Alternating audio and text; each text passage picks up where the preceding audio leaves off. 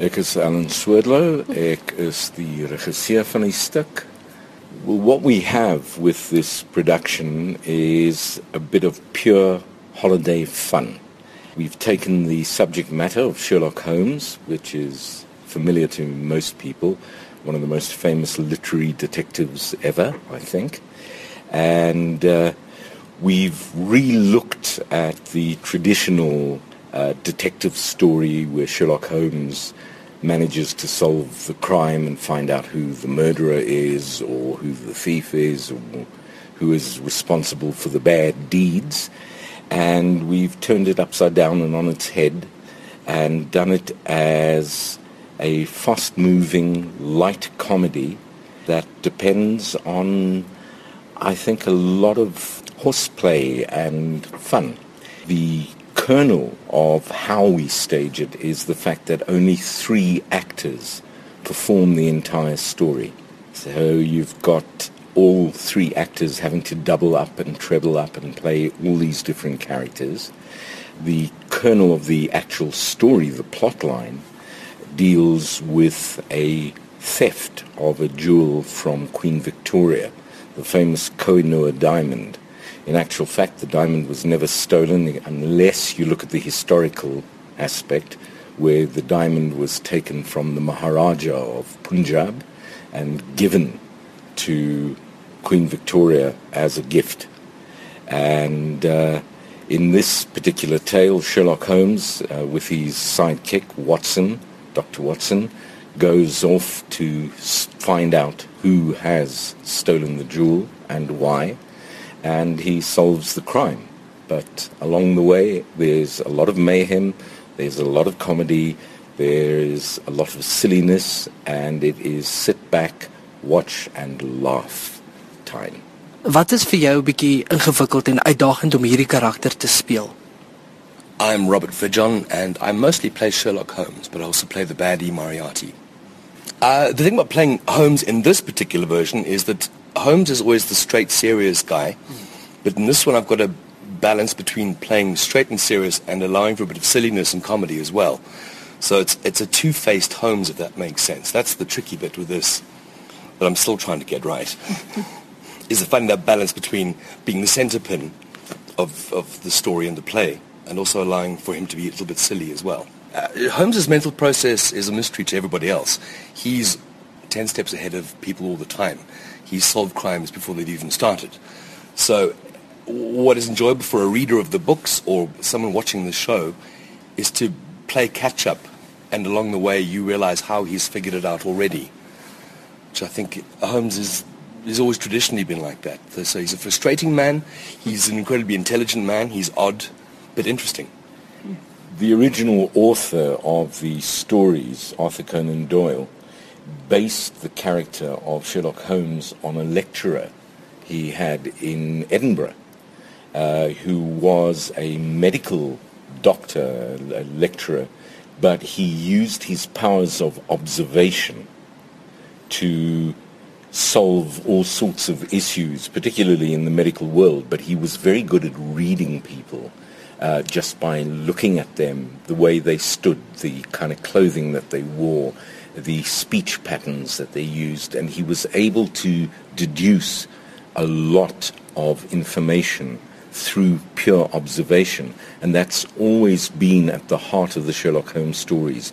He observes, he watches, and he picks up information that the rest of us would never be able to because we're not attuned to that world of the minutest little indication leads on to other things and allows us to dissect a situation and to understand what motivates a character. And uh, we have this running gag where Watson is confused all the time because he can't follow the same patterns as Sherlock Holmes. And there's even right at the beginning, there's a demonstration of Holmes's technique Om in hierdie bedryf te wees beteken dat jy veelsidig moet wees as mens. Wanneer jy soveel karakters moet speel in een produksie, hoe doen jy dit? Hoe takel jy dit? Hello, I am Bronwyn. And in the show, I play many, many characters, but the main character is Mrs. Hudson. It's more a process of jumping from one character to the other without thinking too much about it. So really you can't overthink it, otherwise I think I'd just lose my accents and lose my space completely and and obviously the whole this, the scene structure helps a lot and knowing how the story's evolving helps me to get into each character and really it's just so much fun. So it's it's it's difficult only in the sense that one has to keep the energy up at a very high point the whole time. But other than that, there's so much joy to be found in playing each of the characters that it's not really hard work in that sense. But the energy level is something to keep up. It's quite tricky. Hoekom is dit besluit om drie spelers in hierdie produksie te sit in plaas van 'n volle geselskap? Budget. the boss told us we could have no more than 3. So that's it. 3 and no more. Dan hoekom het julle besluit om hierdie produksie veral 'n produksie oor Sherlock Holmes te doen? Peter commissioned us to write something for this time period, December. He said he wanted something fun and light, a family entertainment.